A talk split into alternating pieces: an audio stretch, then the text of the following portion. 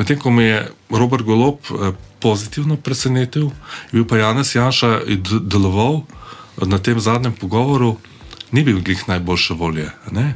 Bil je nekako zakrčen, ne? tudi eh, ta izraz na obrazu ni bil in tudi kaj bistvenega tudi ni povedal. Ker zadnjič sem ga gledal, recimo en teden nazaj v Prevaljah na Koroškem, kjer so otvorili tisto plezalno steno. Je plezal kot Gams. Plezal je kot Gams. In eh... potem, potem je priplezal dol in gledal video do konca, in vsi ploskajo ploska mu Jani Prednik iz SD-ja, ploska mu uh, Matjaš Han. Matjaš Han, Matjaš Han ga celo po, potreplja po, po rami, rami. P, p, p, ploska mu Borod Pahor, ne. Včeraj pa nekako. Je bil, imel slab dan, najbrž. Studio je bil Turin, ne. mogoče je bil to razlog. Ne. Dobrodošli v novi epizodi Reporter podcasta že 33. po vrsti in zadnja v letu 2023, pod katerega bova eh, skupaj z Igorjem Kršinarjem danes potegnila črto. Moje ime je Silvestra Šurla. Eh, včeraj, eh, oziroma ta teden, smo na nacionalni televiziji, kot se spodobi, gledali intervju s predsednikom vlade, zatem pa tudi z voditeljema dveh opozicijskih strank. Najprej se bova eh, analizirala eh, ta, te, ta dva intervjuja, kasneje pa bova šla pogledala še nekoliko v leto 2024. Debata bo gotovo zanimiva, kot so vse naše deba, najne debate, eh, kar se vidi tudi po številu ogledov na YouTubu in na ostalih platformah za podkaste. Eh, torej, če začnem kar jaz. Eh, se opravičujem, najprej, ker sem na slavem glasu, eh, razsajajo razne viroze in prehladi, ampak eh, upamo, da eh, pridemo spet na zeleno vajo. Malo.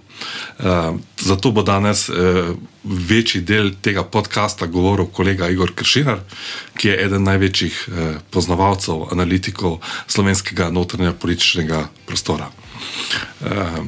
Jaz sem si ogledal včeraj pogovora. Zelo pozitivno me je presenetil predsednik vlade Robert Golop, ki je praktično v zadnjih mesecih odpisan. Uh, vemo, da je strmoglavila podpora tako vladi Gibanja Svoboda in njemu osebno, da je pristal na repu vseh lestvic. Uh, Golop je bil minuli teden v Bruslju na zasedanju Evropskega sveta, kjer so se sprejemale pomembne odločitve, tudi eh, glede Ukrajine in ostalih eh, začetka pogajanj z ostalimi članicami.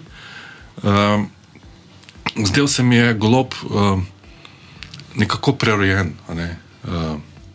Ehm, imel je neko energijo, ki v zadnjem mesecu jo ni pokazal. Vemo, da je bil večkrat na bolniškem dopustu sedaj pa uh, po včerajšnji, uh, po tedenski predstavi na nacionalni televiziji, uh, govor je bil zelo državniški. To treba uh mhm. priznati, zelo umirjen. In če bi golob v takšnem uh, slogu nadaljeval, uh, tudi uh, v nadaljevanju tega mandata, mislim, da ne bi bilo nobenega problema, da svoje vladne barke ne pripelje do konca. Ja, se strinjam. Um, to pomeni, da se je za včerajšnji intervju na nacionalni televiziji zelo dobro pripravil. Um, ob tem bi bilo dobro premisliti na njegovi strani, da se podobno pod, uh, dobro pripravi tudi, kadar daje javne izjave uh, ali kadar daje izjave v parlamentu. Če bi nastopal vse posod tako državniško, kot je včeraj na, pod, uh, tam, uh, na, na intervjuju nacionalne televizije, potem v bistvu je, se strinjam. Bi Ker mi dva tu drugače, nisva, eh, sva kritična do goloba, ne, nisva nič prizanesljiva, tudi ne nameravava biti njegova odvetnika. Ne. Ne, se, Ampak pač dejstvo je, je pač eh, včerajšnji eh, pogovor na nacionalni televiziji je bil eden boljših, ki ga je Tako, imel. To, to absolutno. Golop je tudi na začetku priznal, ne, da je v, da dela napake. Da dela napake, da je tem letu in pol, kar je na oblasti naredil veliko napak in da, pač, da, da se uči. Da se uči in da bo v nadaljevanju mandata se na teh napakah da se je nekaj naučil in da bo uh, vladanje tokrat uh, bolj teklo.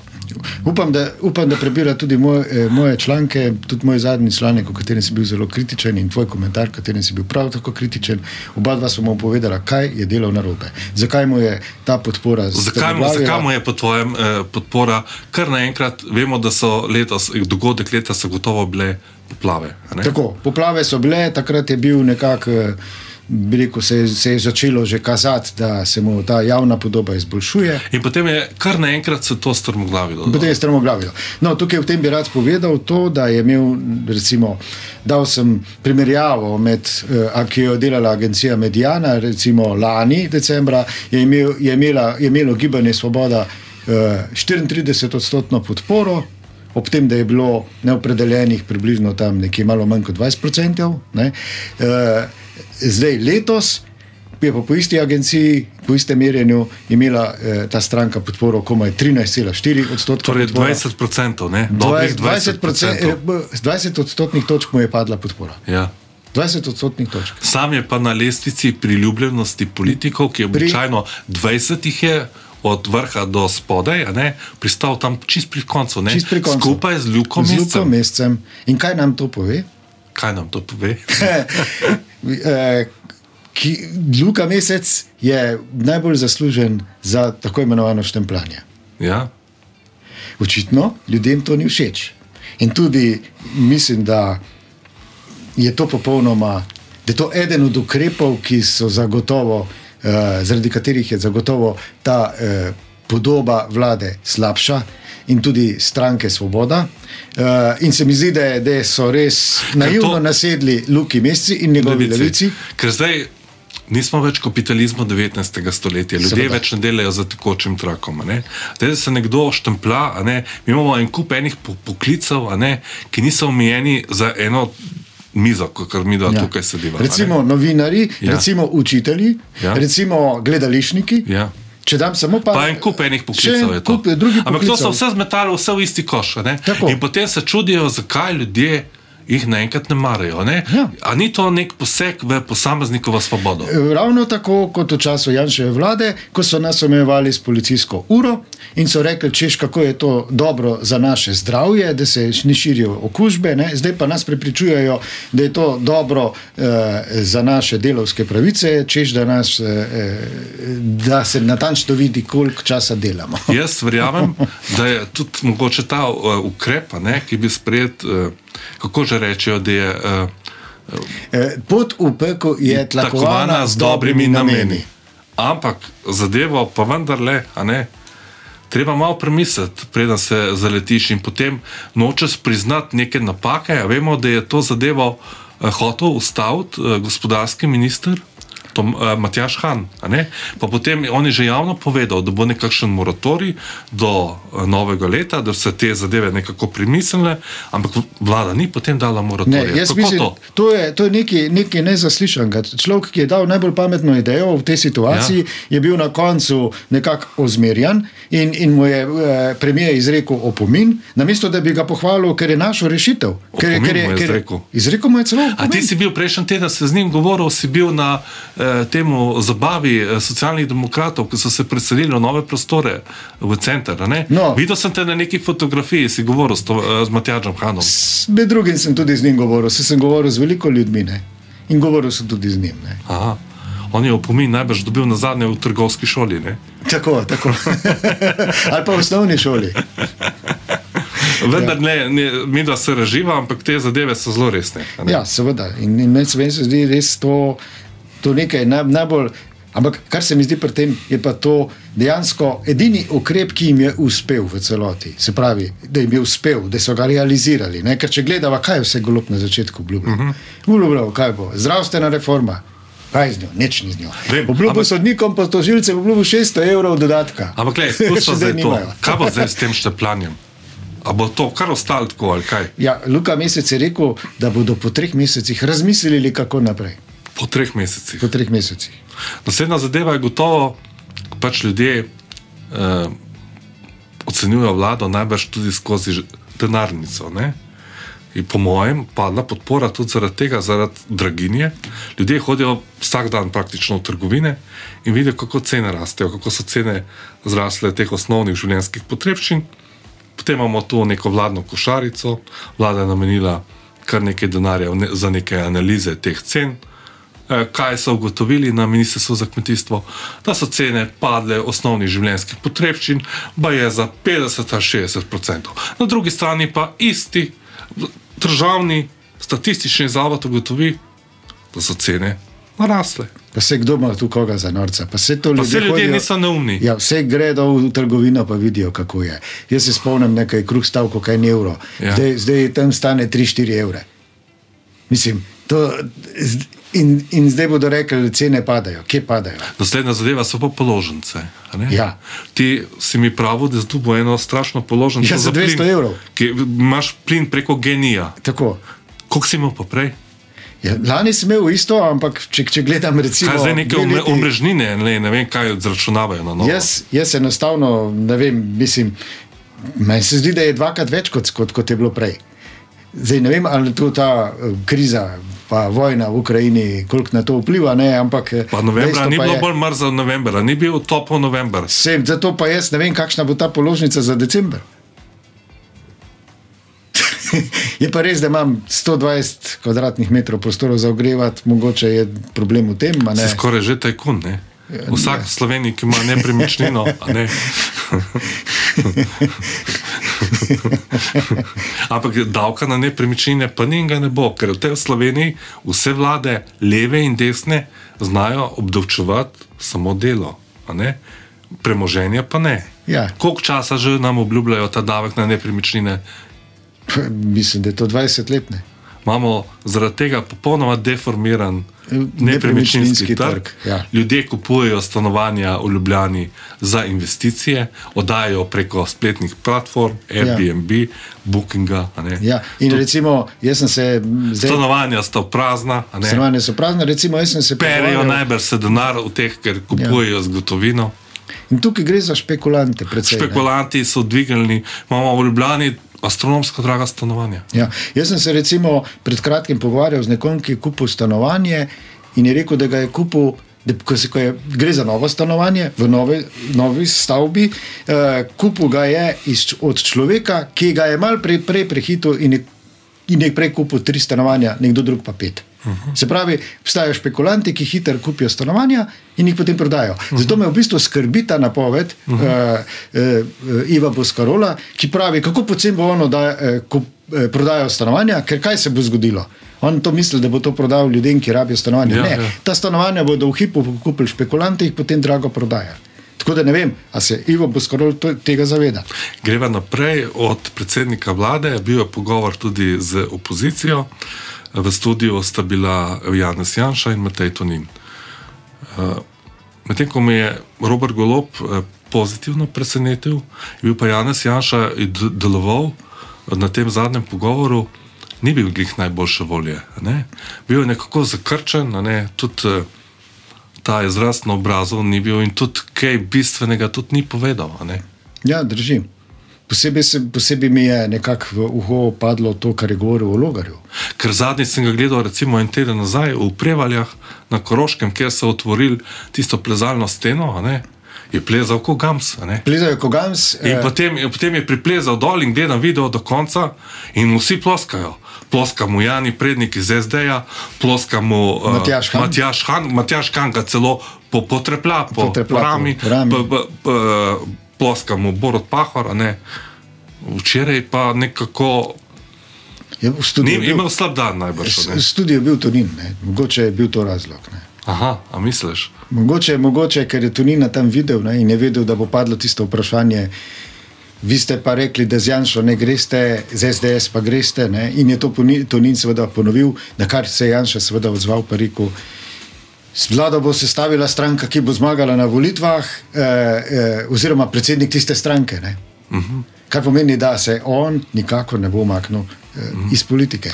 In Jan, Janša, v bistvu ta um, napoved, obljuba Nove Slovenije, v bistvu sploh ne skrbi. Ne? Ne. Ker on pač misli, da se bodo oni tako premislili. Ne?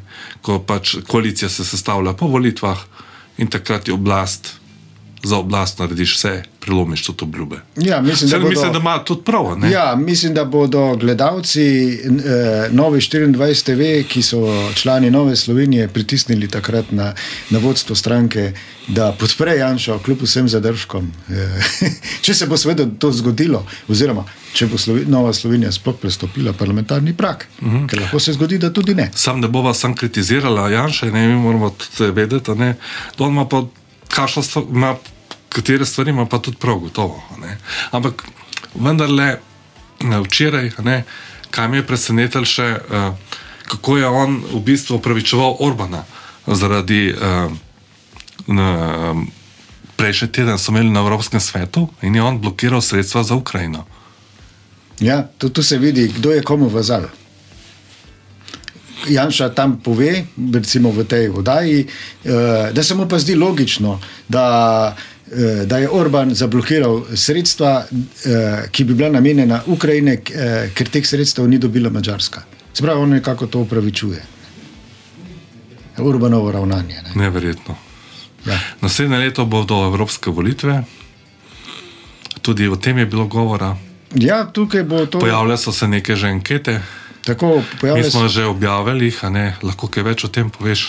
Ja, eh, tukaj sta zanimivi dve stvari. Ne? Eno na levi strani in ena na desni strani. Na levi strani, glede na tiste ankete, sta recimo bili eh, Svoboda in SD zelo izenačeni.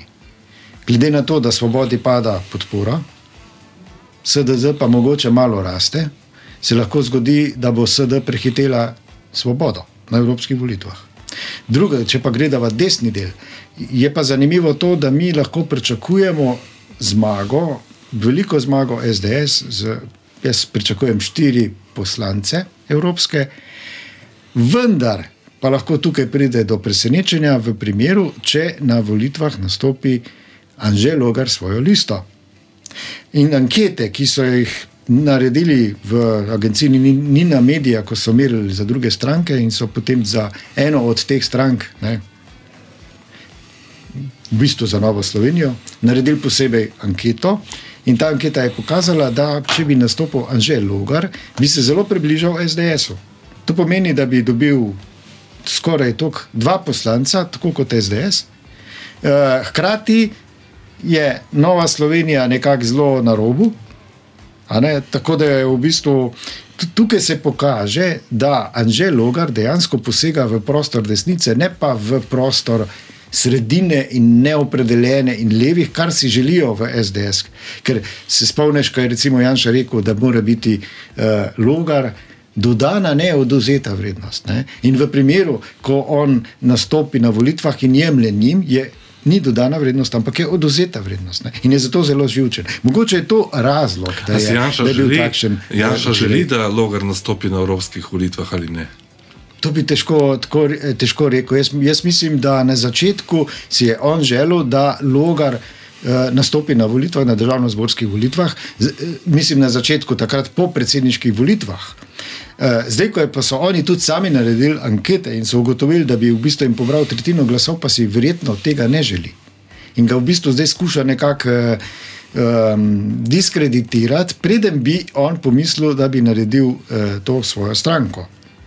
Uh, in, in, in mogoče je zdaj ta razlog v tem. Se pravi, ampak ne glede na to, ali on naredi svojo stranko z Janševo voljo ali proti njegovi volji, mo se moramo zavedati, da tisti glasovi in tisti poslanci, ki jih, ki jih bo dobil Logar, bodo vsi podprli Janšo. To je v bistvu v vsakem primeru bo satelit, če si to želi ali ne želi. Tako da je v bistvu pri Janšu je pa v bistvu problem ta. Ne? Recimo, uh, on lahko dobi v danih razmerah, če se ne pojavi nov obraz, 30 poslancev. Če se pojavi pa logar, uh, svojo stranko, pa mu vzame tretjino glasov, jih dobi samo 20. Potem jih lahko logar dobi tam nekje 10 ali pa 15. Ampak kaj to pomeni? Skupaj jih ima ta 35. In zdaj, če Nova Slovenija ne pride v, v, eh, v, v parlament, ker bi jim logar pobral tudi tretjino, smo na istem kot zdaj. Se pravi, nič ni pridobil. Ni dodane vrednosti. Ni dodane vrednosti, v bistvu je oduzeta. Ampak Janša pravi, da je pač ta logareva stranka praktično dejstvo. On pravi, da je dejstvo in on, on, eh, on, on je nekako, tu se vidi ta njegov zanimiv, je, zanimiv izraz, ne, ki sem si ga posebej zapomnil, ko je on rekel, kako Logar je eno leto, preden jih je o, o, uradno obvestil, da, bo, da bi nastopil na predsedniških volitvah, da se je to odločil že eno leto prej. Spravi, problem je, da se je on sam odločil mimo njih eno leto prej. SDS-u se ti ne smeš sam odločiti. Pa zanimivo je še nekaj, ne, na tistem svetu stranke SDS, na katerem je Logar odstopil. Ja? Janša tudi uh, pogojeval, kdo lahko sploh na listi Anžeta Logarja kandidira. Ja. Da lahko kandidirajo samo ljudje, ki ne bodo nasprotovali koaliciji z SDS. Tako. On je, on, on je v bistvu povedal, pod kakšnimi pogoji on lahko ustanovi stranko. Potem na strankarski televiziji so pa Anžeta Logarja že razglasili za levičarja. Ja, tako, mislim, da je Boris Tomašič rekel, da da si želi, da, da Logar čim prej ustanovi svojo stranko in se um, umesti eh, tam, kamor po njegovem spada, to je pa na levico. Aha, je, s tem bo, dobil, bo, do, bo Janša dobil dodano vrednost. Ne? Tako, tako. Delajo za to, ne pustite naše volivce za ograjo, pojdite v, uh, loviti uh, ribe v, v drug ribnik. Ja želi, želi da, logar, da, da logar lovi voljivce, ampak ne njihove. Ne? Ja, ja. V drugih ribnikih, ampak vsi vemo, kam spada logar. Ja, ja. Tako je ta načrt eh, nekako s to logarjo stranko, če prav razumem vse te reakcije, pa ne glede na to, ali sta z Janšo dogovorjena ali ne, se glih najbolj ne gre po načrtih zaenkrat. Ne gre, ne.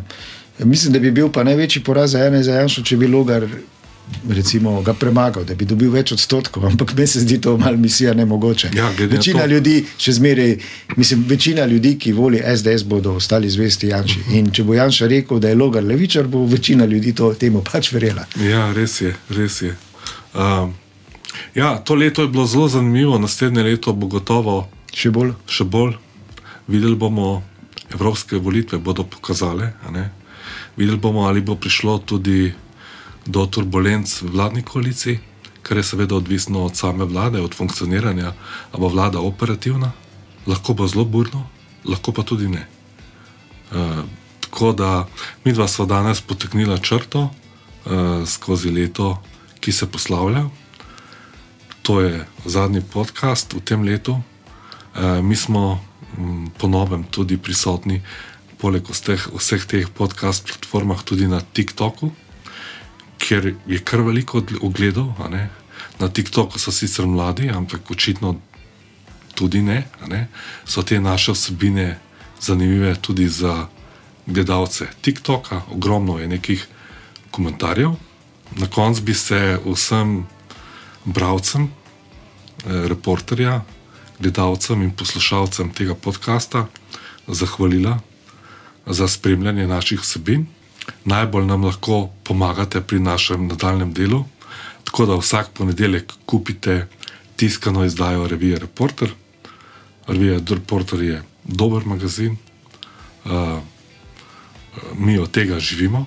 Uh, dragi uh, gledalci, bravci, uh, mi vam želimo v prihodnem letu vse najboljše, uh, predvsem zdravja. Uh, najprej pa seveda vesel Božič.